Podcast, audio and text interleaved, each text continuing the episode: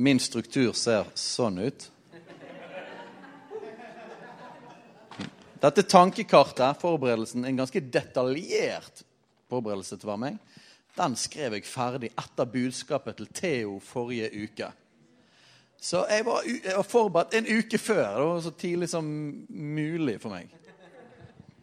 Men jeg vet ikke hvorfor det er sånn. Er man forskjellige, eller er det fordi at Gud bare Jeg vet ikke. Men, men Gud ga meg noe annet nå i sted. Kanskje det blir begge, eller kanskje et eller annet. Jeg vet ikke helt. Jeg begynner iallfall i det nye, og så, så, får vi se.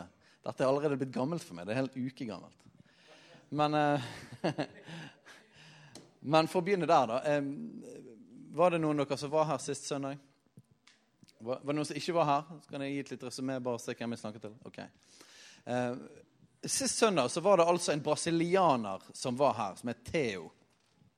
Og eh, Aldri sett den før. Noen folk har kjent litt til de arbeidet de har i Brasil. og sånne ting. Så jeg kjente ikke noe særlig til det. Og eh, vi har hatt mange gjestetalere denne høsten, som er jo fint, men, men på en måte, det har kanskje blitt litt vel mye. Så, så jeg fikk spørsmål fra eh, Jeg nå glemt det navnet hans. Jon Malvin i, i eh, Betel misjonskirke om um, vi ville besøke en fyr som het Theo, og liksom Dynamis i Brasil og sånn. Og jeg, um, jeg, hadde ikke lyst til å si ja, fordi at uh, vi har hatt så mange. Tenkte nei, nå tror jeg det nok, tenkte jeg. Men så satt jeg tilfeldigvis der. Vi hadde Øystein og Sigrid Hilleren som er Jesusfellesskapet vårt på middag.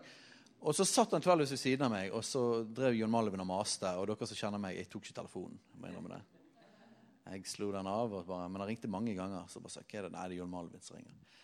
Og så skrev jeg kan du skrive en tekstmelding. Og så, så leste jeg den tekstmeldingen, og Øystein satt der at en fyren Theo skulle komme. Og, og, man, og, han hadde lyst til at han skulle komme til Jesusfellesskapet. Og jeg bare, Æh. og så sier Øystein er du helt gal. Selvfølgelig må han jeg mener, Vet du hvem han er? Vet du hva? Jeg bare, ok. Så basert på Øysteins uh, overbevisning så sa jeg ja. Og så kommer jo da han fyren, så har jeg skjønt i mellomtiden ok, det er liksom en big deal, men jeg vet ikke.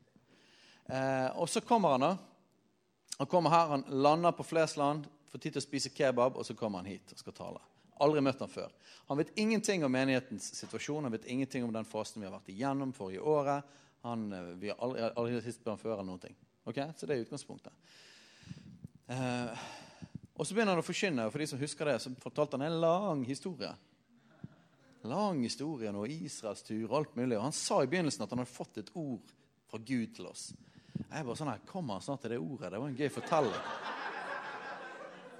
Det var en lang fortelling. var sånn her, Kult, men har du et ord, liksom? Og eh, Jeg tror han fortalte en time. Eh, og jeg bare sånn Hva er ordet? Og så kom jo alt sammen. og Jeg klarer ikke å forklare det. Dere må bare høre, anbefale å høre den talen. der. Så kom liksom alt sammen på slutten. Og du skjønte at hele historien var på en måte et slags profetisk eksempel som var et sånn grunnlag for det ordet han hadde fått til oss. Eh, og det handlet jo om på en måte funksjonen av det profetiske ordet når Gud taler. Og dette med at når Gud taler, så taler han Når han taler om framtiden, når han gir et oppdrag, eller når han gir et kall, eller når han gir et løfte, så kommer det alltid i frøform. Sant? Han sier 'det skal bli masse epler'. Og så Det ordet, det er et frø. Og hvis du forvalter det ordet, hvis det blir vannet, hvis det blir lagt i jorden, vannet det for solen, og ting, så vil det vokse opp, og så vil det bli et tre. Og Nå utvider jeg bildet hans litt. Men det treet så vil det da komme epler på, og inni de eplene så er det òg nye frø, så du kan plante nye trær. Og så plutselig fra det ene frøet så kan du ha en skog, og du kan ha uendelig med epler. Ser dere poenget? Dette er en illustrasjon av hvordan Guds rike er. At du, får det sånn, og så må det forvaltes. Og Budskapet hans var på en måte at når Gud taler, så kommer det i frøform, men vi har et ansvar for å forvalte det ordet. For at det skal bli det Gud har sagt. Og så, sier han, så begynner han å beskrive situasjonen vi har vært i i menigheten. Han vet ingenting. Eh, og han sier til og med tid på en del år siden da vi hadde et helt annet momentum. Og så kommer han altså med et ord som fra min hukommelse handlet om at han, ser, han, med en gang han landet i Bergen og han sto på jorden her, så så han et bilde av oss i menigheten med en haug med folk med masse frø i hendene. Hva betyr det? Gud har gitt oss masse løfter. Gud har kalt oss til noe. Han har, han har gitt oss en framtid. Han har, han har talt, han har gitt oss et oppdrag, et kall. Er du med på det? Eh, og vi har et oppdrag både en, både en, Det er både en oppmuntring til at vi har fått det. Vi har fått løfter, både individuelt og som menighet. Men òg en, en oppmuntrende formaning om forvalt det Gud har talt. Ikke Og det som ofte skjer, er jo gjerne at man når ting tar lang tid, eller det er motgang, og ting som, sånn som dette året som har vært, så kan du ofte miste av blikket. Du kan miste håpet og troen på at det Gud hadde talt, faktisk skal skje. Er dere med på det? Det var et fantastisk ord. og når eh, og dere kunne merke at Gud gjorde noe hos oss. Og jeg mener De siste ukene så har Gud Vi har vært i en, en tøff tid, men jeg merker det at uh, de siste ukene så merker jeg at det er noe som har skjedd i atmosfæren. Det er en medvind, det er en oppdrift.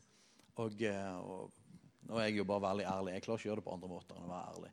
Men det har vært, vært en tøff, tøff høst, og det har vært veldig mange som har hatt det tøft og veldig slitne og ikke kunnet på en måte, og trengt pauser for å ta ansvar, som er så forståelig og vært så riktig for de individuelt.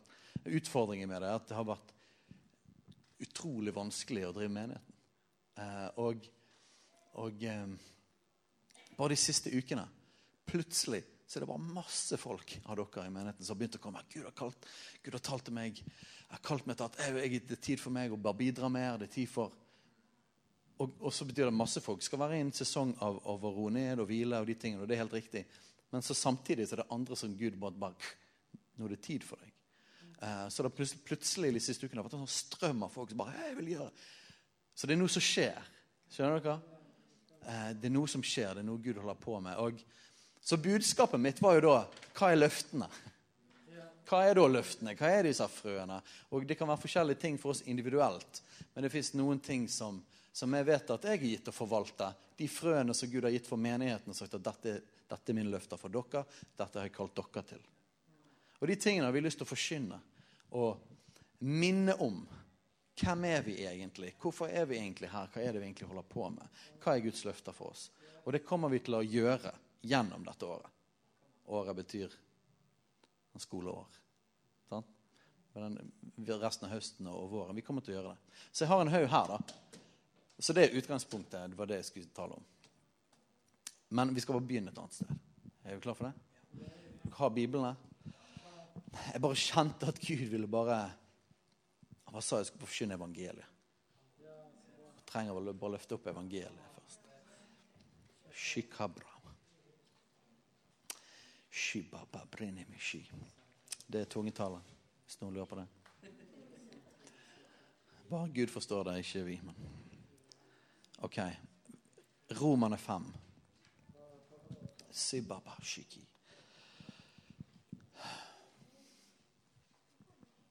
Så det er viktig det er viktig å tale om Det er viktig å snakke om hva Gud har kalt oss til. Det er viktig å snakke om visjon. det er viktig alle de tingene. Men, men jeg bare kjente en sånn påminning av Den hellige ånd i dag. at Men det er, engang, det er ikke engang det som er sentrum. Det som er sentrum, er Han. Det som er sentrum, er evangeliet. Og vi må bare alltid holde det vi liker. Og bare koble oss inn på sentrum og koble oss inn på hva Jesus har gjort for oss. Um, jeg elsker dette her verset. Jeg skal bare forkynne sånne kjente og kjære ting så dere kanskje har hørt meg mange ganger si. Men det er bare tid for å minnes om det akkurat nå. Så Romane 5, 8.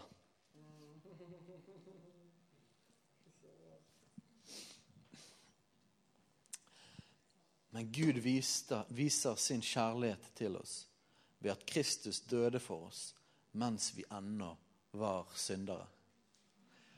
Men Gud viser sin kjærlighet til oss ved at Kristus døde for oss mens vi ennå var syndere. Og jeg vet jeg har sagt det mange ganger før, men det er fortsatt bra. Evangeliet er ikke bare at han døde for våre synder. At vi fikk ufortjent nåde. For det vet vi ikke, det. Men evangeliet det begynner før det. Det begynner i det at han valgte oss. Til og med før han døde så valgte han oss. Han, han, hadde, han, hadde, bestemt seg for at han ville frelse oss før vi tenkte på han. Evangeliet begynner før korset. Det begynner faktisk I Romerne 1 står det at han utvalgte oss før verdens grunnvoll ble lagt, for at vi skulle stå, hvis jeg husker rett, hellige og feilfrie. Så før verdens grunnvoll så hadde han valgt oss at vi skulle stå hellige og feilfrie gjennom Jesus. Mens vi ennå var syndere, døde han for oss.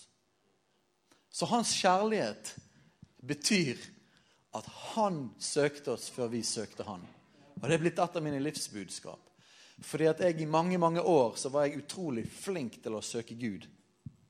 Å søke Gud er en veldig bra ting. Men for en del år siden, så for første gang, så kom jeg virkelig til enden av meg sjøl. Jeg orket ikke. Jeg klarte ikke å søke Gud. Og det som på en måte var min sterkeste side, klarte jeg ikke. Det som alltid hadde vært det som hadde hjulpet meg gjennom det tøffe, nemlig å søke Han. Og dette er jo veldig bra. Du kan skjønne jo det. Men når jeg hadde søkt Han, så hadde Han kommet og møtt meg og hjulpet meg. Plutselig kom jeg i en situasjon der jeg ikke orket å søke Han. Og da fikk jeg oppleve, å komme enda et nivå dypere i hva faktisk nåde betyr. At til og med når jeg ikke søkte Han, så søkte Han meg. Og for de som har hørt meg fortelle om det, det var en periode av mitt liv jeg, var sykemeldt. og Jeg var ikke utbrent, men jeg var, hadde møtt en vegg. Og Jeg satt hjemme, og det eneste jeg orket å gjøre, var å se på krigsfilmer og, og spille krigsspill. Det var liksom det som ga meg liv. Å skyte andre Jeg vet ikke hvor. Men eh, Og på en måte Det som ble så tydelig for meg, var at mens jeg var der og ikke søkte han, så søkte han meg. Og Jeg hadde en opplevelse. Jeg satt på legekontoret eh, og skulle få sykemelding. Og jeg syntes det var så ydmykende. Utrolig ydmykende. Jeg hadde vært tøff og sterk og alt mulig i så mange år. Og så satt jeg der, og jeg bare orket ingenting. Og jeg måtte liksom bare fortelle legen at jeg bare hadde fælt, jeg orker ingenting. Og på en. Jeg bare det var utrolig ydmykende. Sitte på legekontoret der. Og mens jeg sitter på, inni der og bare føler meg miserabel og ydmyket så hører jeg på høyttaleren på venterommet på, på legekontoret en hit. En sang som var hit på den tiden. Dere kanskje husker den. Don't you worry, don't you worry, child. Heaven has a plan for you.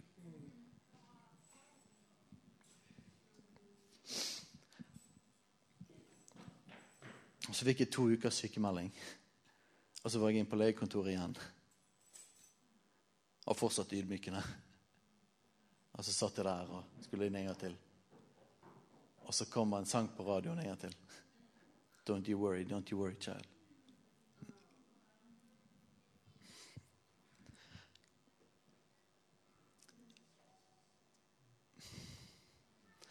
Og jeg fikk oppleve den tiden når jeg ikke strakk til, og når jeg ikke engang klarte å søke han, så oppsøkte han meg.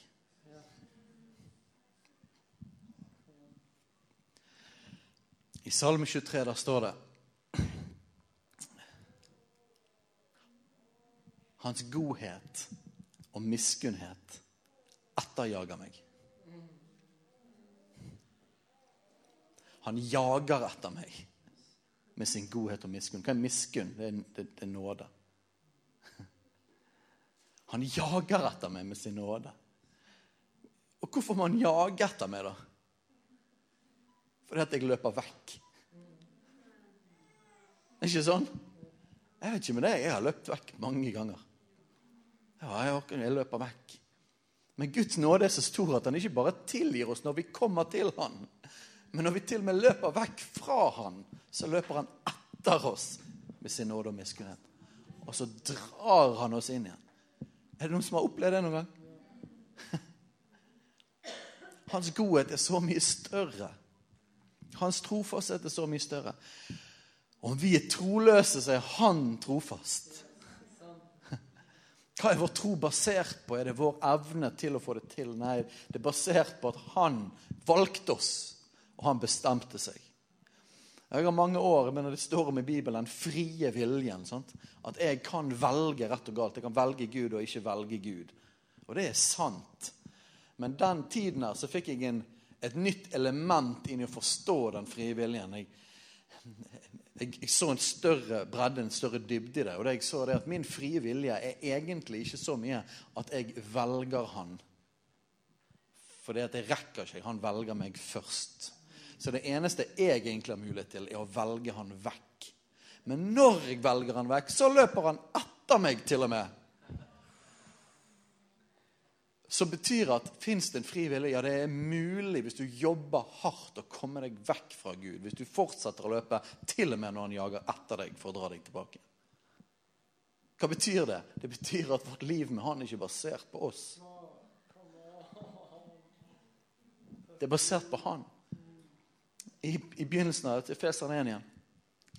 Han utvalgte oss før verdens grunnvoll ble lagt. Så står det at ved sin frie vilje Sin. Altså, hans, altså vi har en fri vilje.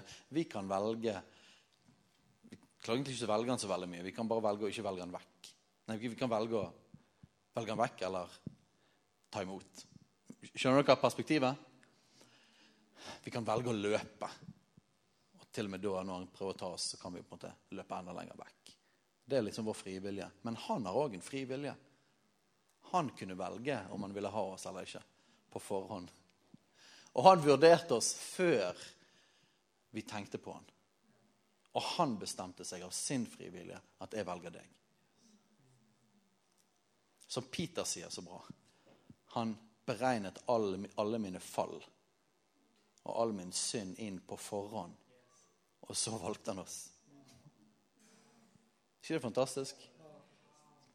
Gud viser sin kjærlighet til oss ved at Kristus døde for oss mens vi ennå var syndere. Mens vi ennå var i driten, så valgte han oss. Det er enorm nåde. Det er dobbel nåde. Vi tar et vers til. Hebreabrevet tar jeg bare noen sånne favorittvers for meg. Men er ikke det godt å bare høre evangeliet igjen?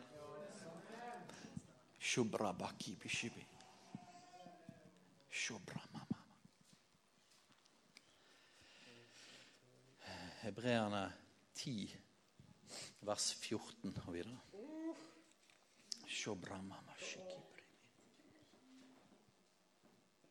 Jeg bare takker Gud litt først. Takk for at du løper etter oss. At du jager etter oss med din godhet, med din nåde. Takk for at vi, vi ble valgt av deg. Du plukket oss opp at når vi ikke søkte deg, så søkte du oss. Takk, Gud, for at alt dette og vårt liv med deg ikke er grunnlagt på mitt valg engang. Det er grunnlagt på ditt valg. Takk for at for jeg kommer til å svikte, men du svikter aldri. Jeg takker deg for det. Takk for nåde som er overmåte stor.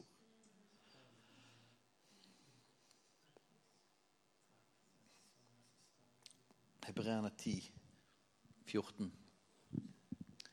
For med ett offer har han for alltid gjort den fullkomne som blir helliget. Fullkomne, vet du hva det er på godt norsk? Perfekt. Med ett offer, altså hans offer, har han gjort oss perfekte.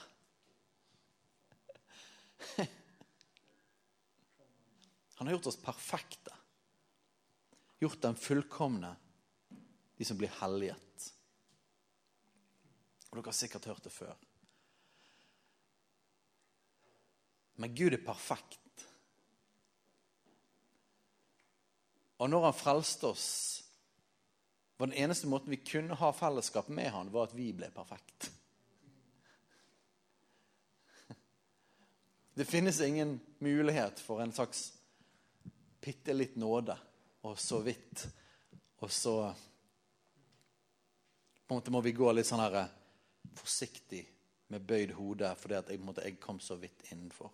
Men det er liksom ingen Det er ikke noe slingringsmål. Skjønner dere? Det går ikke an å bli litt, litt tilgitt, eller halvtilgitt, eller så vidt nok. Det fins bare to muligheter. Enten så er det på grunn av vår synd, Romane 323, Vet dere hva som står der? Romane 3,23. Jeg tror det første bibelverset jeg lærte, kanskje.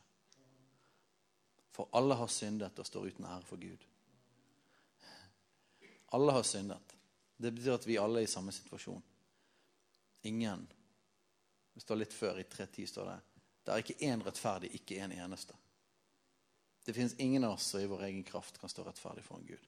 Så det finnes kun to alternativer. Enten så er det vi har alle syndet og står uten ære for Gud. Vi er skilt for Han. Eller at vi er helt perfekt og har fellesskap med Han. Kun to alternativer. Med ett offer har han for alltid gjort oss perfekt, vi som ble helliget. Han har gjort oss like perfekt som han. Så pleier jeg å dra litt videre. Vi som ble helliget. Vet du hva å bli helliget er? Det er å bli like hellig som Gud. Det finnes ikke noe mindre hellighet. Det er bare én hellighet, og det er Han. Så gjennom Jesus så ble vi like hellig som Han. Et annet begrep Jeg tror ikke det står her, men det er jo rettferdiggjort. Sant? Rettferdiggjort ved tro. Hvor rettferdig blir vi når vi blir rettferdige? At vi blir like rettferdige som Gud. Så vi er like perfekt, like hellig, like rettferdig som Gud. Og Den naturlige responsen i et menneske vil da være Ja, men jeg har jo Jeg går jo ikke. Hvordan kan jeg være like perfekt for Gud? Jeg er ikke like perfekt som Gud. Er det noen som tenker det?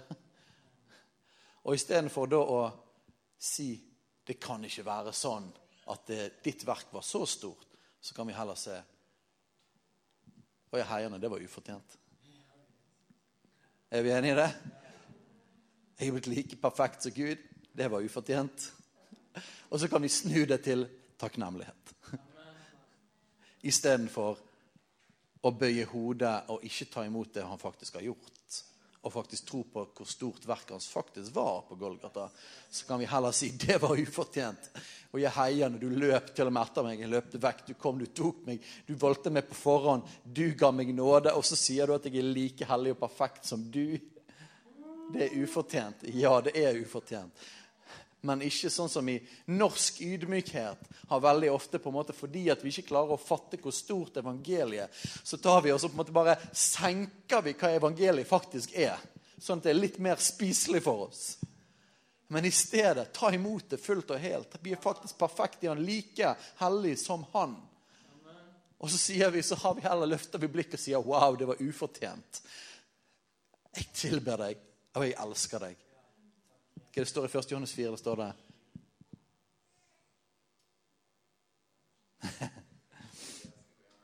Det står mye, men det var det jeg tenkte på. ja. Vi elsker fordi han elsket oss først. Er ikke det sånn? Han elsket oss først. Og hva gjør det? Det skaper kjærlighet i oss. Ta imot det fulle evangeliet, og det skaper kjærlighet og takknemlighet. Det skaper tilbedelse. Det skaper en lengsel etter å følge han. Er ikke det? Ok, da. Det var helt ufortjent, men vet du hva? da skal jeg søren meg følge deg. Du er fantastisk. For med ett offer har han for alltid gjort den fullkomne som blir hellighet. Det vitner også Den hellige ånd for oss. For etter, for etter at han har sagt dette er den pakt jeg vil opprette med dem etter disse dager. Så sier Herren, jeg vil gi mine lover i deres hjerter og skrive dem inn i deres sinn. Bare pause der. Den nye pakt betyr at vi ikke lenger prøver å gjøre det som er rett, men han har skiftet ut hjertet vårt og tankene våre. Vi er blitt nye, nye skapninger. Vi et, vi har fått et nytt liv. Vi er født på ny. Som gjør at den nye skapningen prøver ikke å være flink. Den nye skapningen vil være som Gud. Og Jeg har et sånt testspørsmål ofte på, på om, det, om, du er født på ny eller ikke. Det er ikke på om du gjør alt perfekt. Hvis det ikke hadde ikke vært nødvendig at det står i 1. Johannes 9 dersom vi bekjenner våre synder i en trofast rettferd. Det betyr at vi synder og vi trenger tilgivelse. Er vi med på det? Så det betyr ikke at vi er perfekt. Men dette er et, dette er et tegn på at vi faktisk er en ny skapning. Vi vil være perfekt. Og hvis du er ærlig med deg sjøl, vil du Ønsker du å følge han? Hvis du bare tar hjertet, Ikke bare sånn 'jeg prøver'. Nei, bare sånn, bare for å sjekke ut om du har et nytt hjerte eller ikke. Vil du følge han? Vil du elske han? Har du lyst til å gjøre det han sier? Ja, vi får ikke det til, men, men hva, er det, hva, er det, jeg vil? Hva er drivkraften inni her? Hvis hjertet ditt sier, hvis din ånd sier 'ja, jeg vil følge han', på tross til og med når jeg har sviktet og sviktet 'Jeg vil', da er du født på ny. For da har du fått et nytt hjerte en ny ånd. Du tenker annerledes. Din drivkraft er annerledes. Vår drivkraft er ikke mot synd. Vår drivkraft er mot Han. Og så kan vi falle, men vår drivkraft blir ikke skiftet ut. Jeg vil opprøre, ja. Jeg vil gi mine lover i deres hjerter og skrive dem inn i deres sinn. Og deres synder og deres overtredelser vil jeg ikke mer komme i hu. Det betyr at han, ikke, han, han husker ikke vår synd.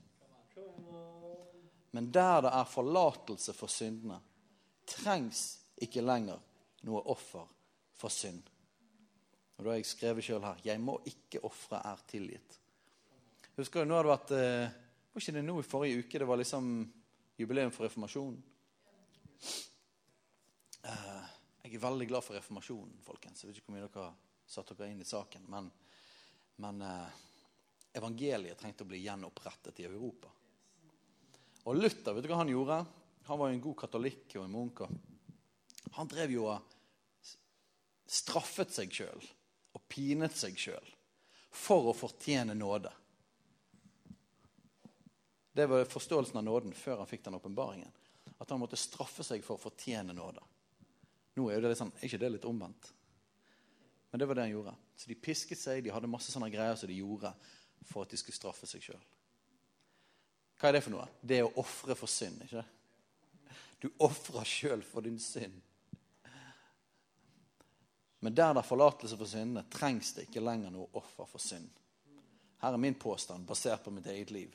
Jeg tror ofte at vi følelsesmessig driver og straffer oss sjøl for vår synd.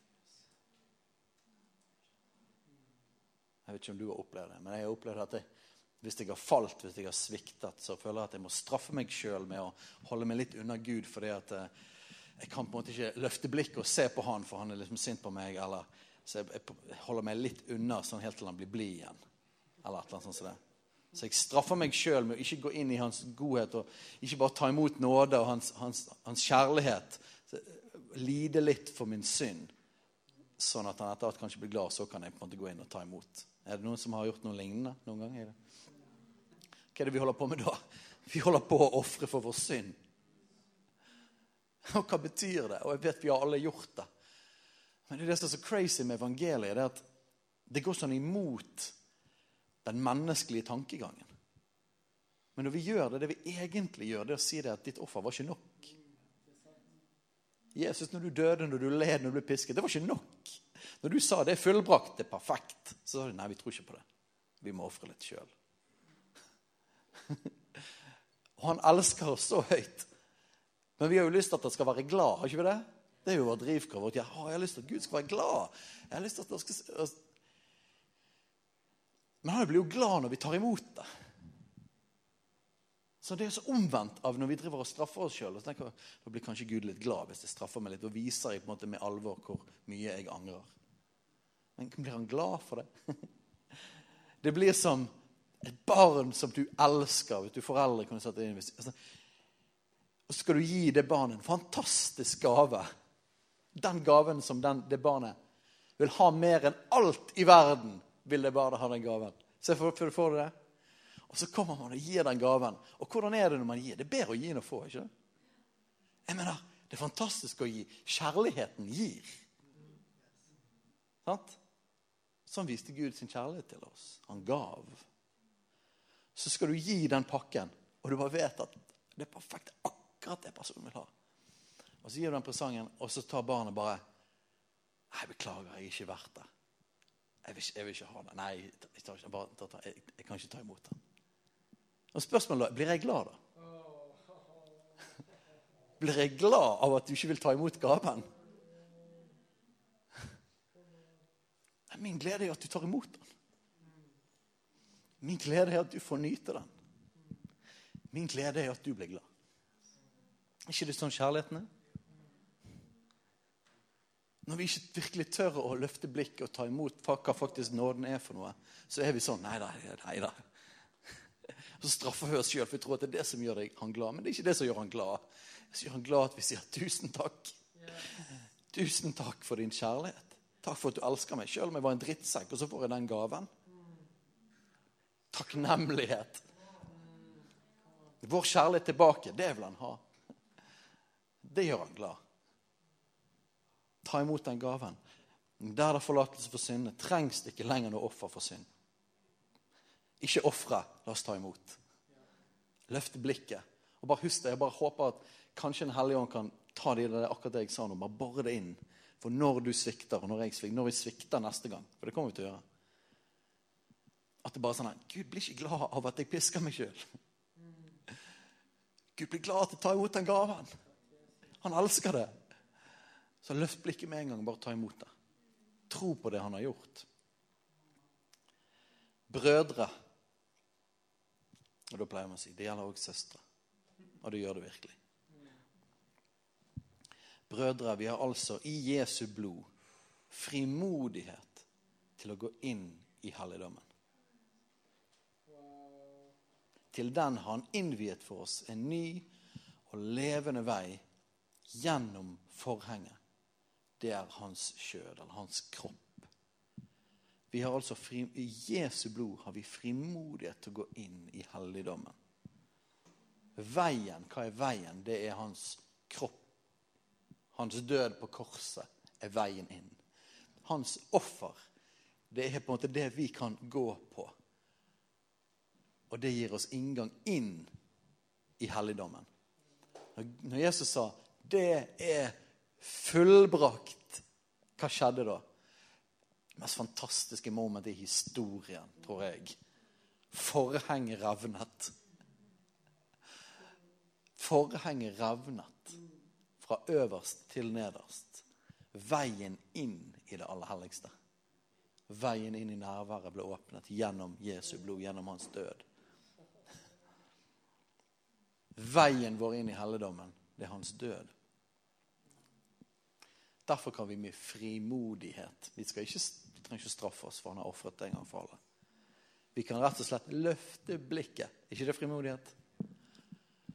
Det står Hebreerne 4, tror jeg. Det står Å, hva det står da?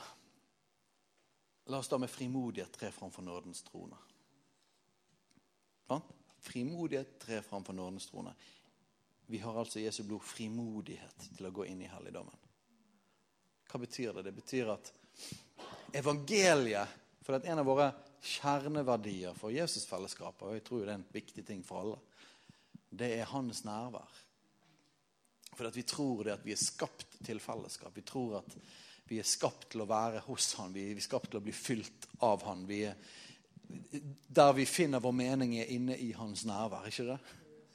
Alt kommer ut av hans nærvær. Alt kommer ut derfra. Det er han vi er skapt til.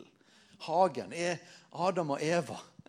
Adam som lå på bakken her, og Gud pustet liv i han med sin ånd. Nærheten til han, bli fylt av han, være hos han. ikke det vi er skapt til? Det er målet over alle ting. Når, når, en dag det blir en ny himmel og en ny jord, hva er det som skjer da? Det nye Jerusalem kommer ned fra himmelen, midt iblant dem. Og så står det at Guds bolig trenger ikke noe tempel der. For at Guds bolig er midt iblant dem. Han skal være deres Gud, og de skal være hans folk. Hva er det himmelen og evigheten er for noe? Det er å være at han er midt iblant oss. Det er målet. Det var starten, og det er målet. Han er målet. Hans nærvær er målet. Så hvorfor, så hvorfor Hvorfor før, mens vi ennå var syndere, så døde Jesus. Hvorfor utvalgte han før verdens grunnlag ble lagt? Fordi at vi kunne være Han ville ha oss inn i sitt nærvær.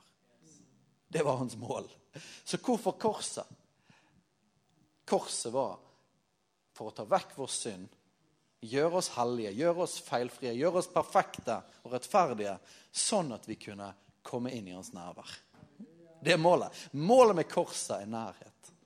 Målet med korset er hans herlighet.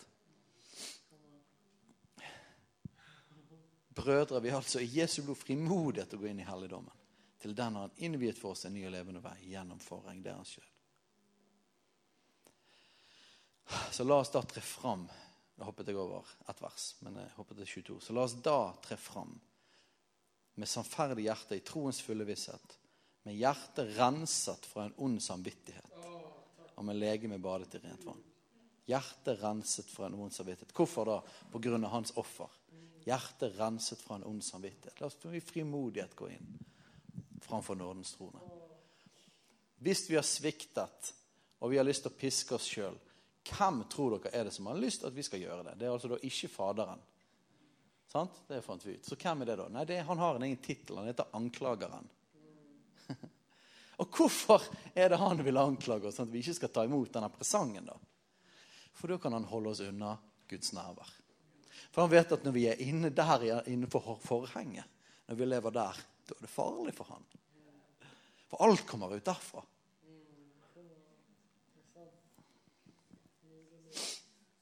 Så la meg ta evangeliet inn og så tar jeg iallfall ett av disse punktene på det her.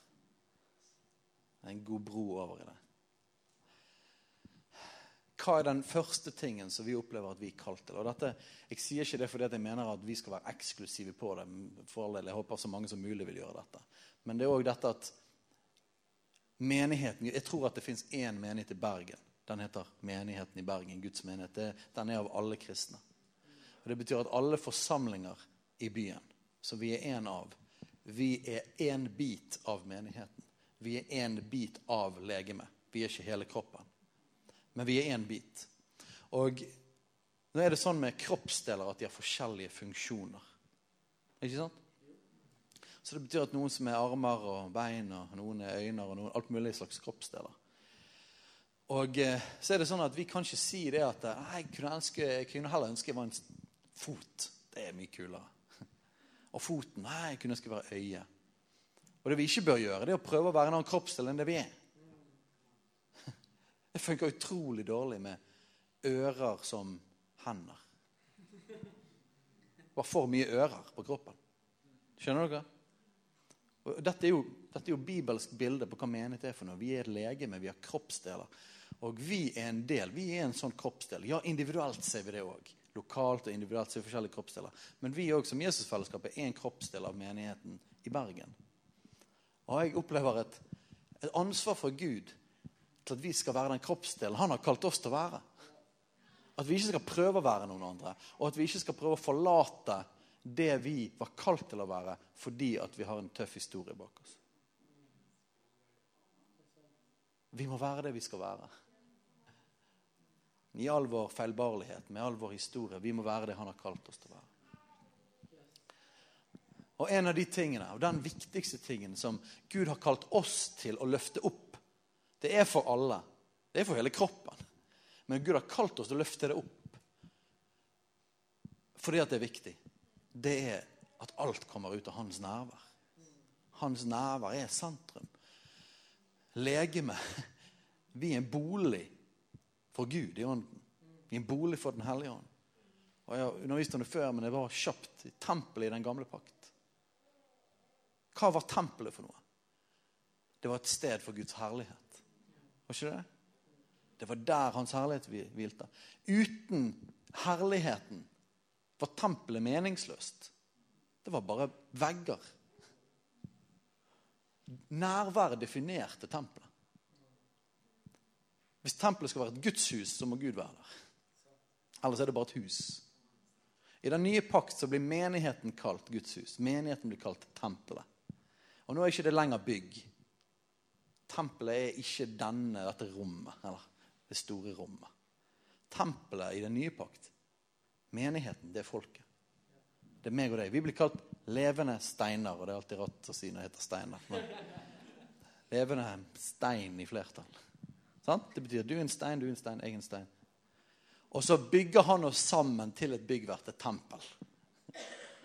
Og hva er meningen? Hva er poenget med å bygge det tempelet? da? Hvorfor vil han ha oss og putte oss fordi at vi skal bli en bolig for Gud, for at han skal bo midt iblant oss. Ikke det, det er målet hans hele tiden, fra begynnelse til slutt. Og, og nå. Han skal bo midt iblant oss. Han bygger sitt tempel for at hans herlighet skal ha noe å hvile på. For at hans herlighet skal kunne hvile her på jorden. Og hvorfor det igjen, da? Det er fordi at verden skal få smake han. Det er jo det. Men meningen med menighet er at vi skal være tempel, en bolig for Den hellige ånd. Og dette er kjerneverdi nummer én for Jesusfellesskapet. Vi er kalt til å være et tempel for Den hellige ånd. En bolig for Guds nærvær. Og det er sånn at der to eller tre er samlet i hans navn, så er han midt iblant oss. Men vi er kalt til å fokusere ekstra på hans nærvær.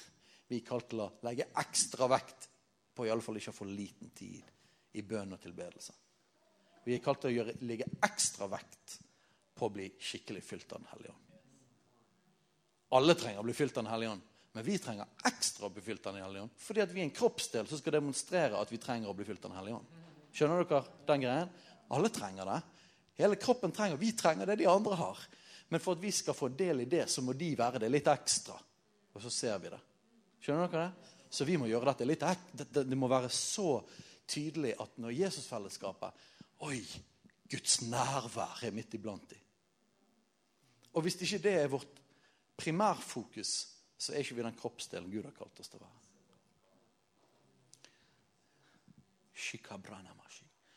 Og Hva er det som henger så tett i det med Guds nærvær? At det er en sånn verdi, sånn underverdi på det som er Guds nærvær. Hengiven tilbedelse. Og det er sånn det ordet ekstra. Hengiven. Hvorfor det, da?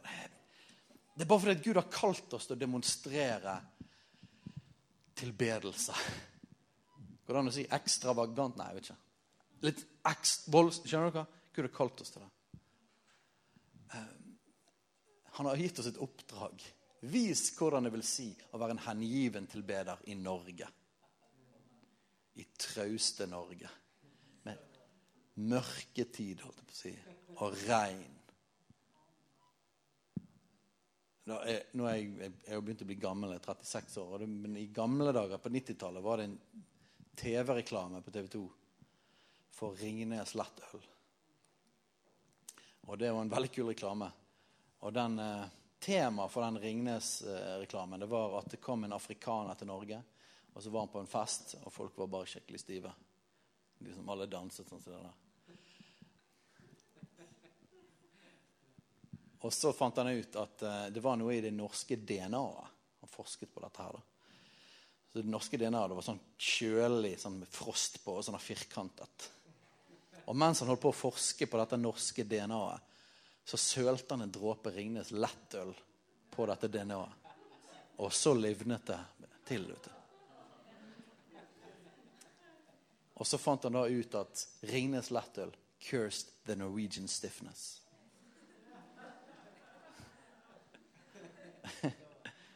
Og nå var det lettere reklame, for vi skjønner jo alle at det egentlig er henspill på alkohol. ikke det?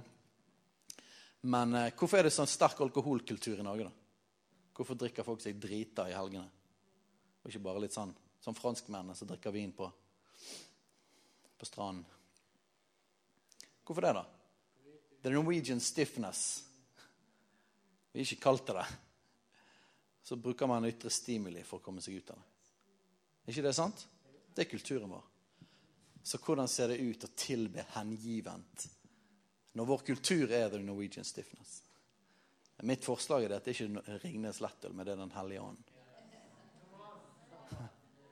Ikke det? Vi er kalt til som menighet. Vi er det. Vi er kalt til hengiven tilbedelse. Vi er kalt til å bryte ut av denne kulturen. Vi er det.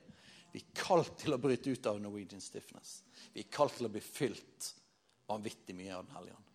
Vi er det. Når jeg erklærer Jesus Jeg fikk et ord forrige søndag, og så gjentok han at Leo det. Theo, Theo var det. og det var grav opp brønnene. Grav opp brønnene igjen. Um, vi trenger å grave opp brønnene. Det har blitt kastet litt uh, Det her spiller på en historie i Gammeltestamentet. der Brønnene var jo der det var liv, og det var vannet midt i ørkenen. Liv til alle sammen. Brønner og vann er gjennom hele Bibelen et bilde på Den hellige ånd. Det gir liv. Og så var det et tidspunkt, jeg husker ikke hvor det står engang, men der det kom folk, og så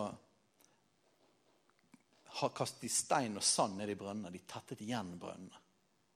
De tettet igjen så det ikke skulle være liv der, midt i det tørre området. Og så var det et kall. jeg husker ikke hva det var engang, men de så gravde de opp igjen. De ble kalt å grave opp igjen brønnene sånn at vannet kunne flyte igjen. Men det er bare å høre det samme ordet for oss. Grav opp igjen brønnene. Grav opp igjen brønnene av det med Guds nærvær. Nyte Hans nærvær. Grav opp igjen brønnene av å bli fylt av Den hellige ånd igjen og igjen og igjen. Grav opp igjen brønnene av hengiven tilbedelse med alt det vi er. Når alt sammen kommer ut av kraften i evangeliet, det Jesus gjorde når han døde og sto opp igjen. Fordi, at, fordi han elsket oss. Vi elsker fordi han elsket oss først. Det er ikke sånn? Det er han som vekker kjærligheten. Og Det var vel derfor det var en sånn ingrediens som Gud ville skulle putte inn før jeg bare snakket om hva vi er kalt til. At det som vekker, vekker oss, det er jo evangeliet. Det vekker jo liv i oss.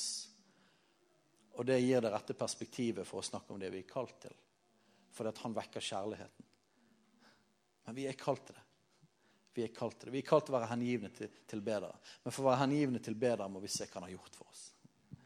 Vi må løfte blikket og se. Han har, han har utvalgt meg, han har kalt meg, han er trofast når jeg er troløs. Han, han jager etter meg med godhet. Han, han er jo helt fantastisk. La oss løfte blikket og bare se på hva han har gjort. Og det varmer opp hjertene våre. Og der ut av det kommer hengiven tilbedelse. Ut av hengiven tilbedelse kommer hans nerver. Og ut av hans nerver kommer alt sammen. Kan vi reise oss opp?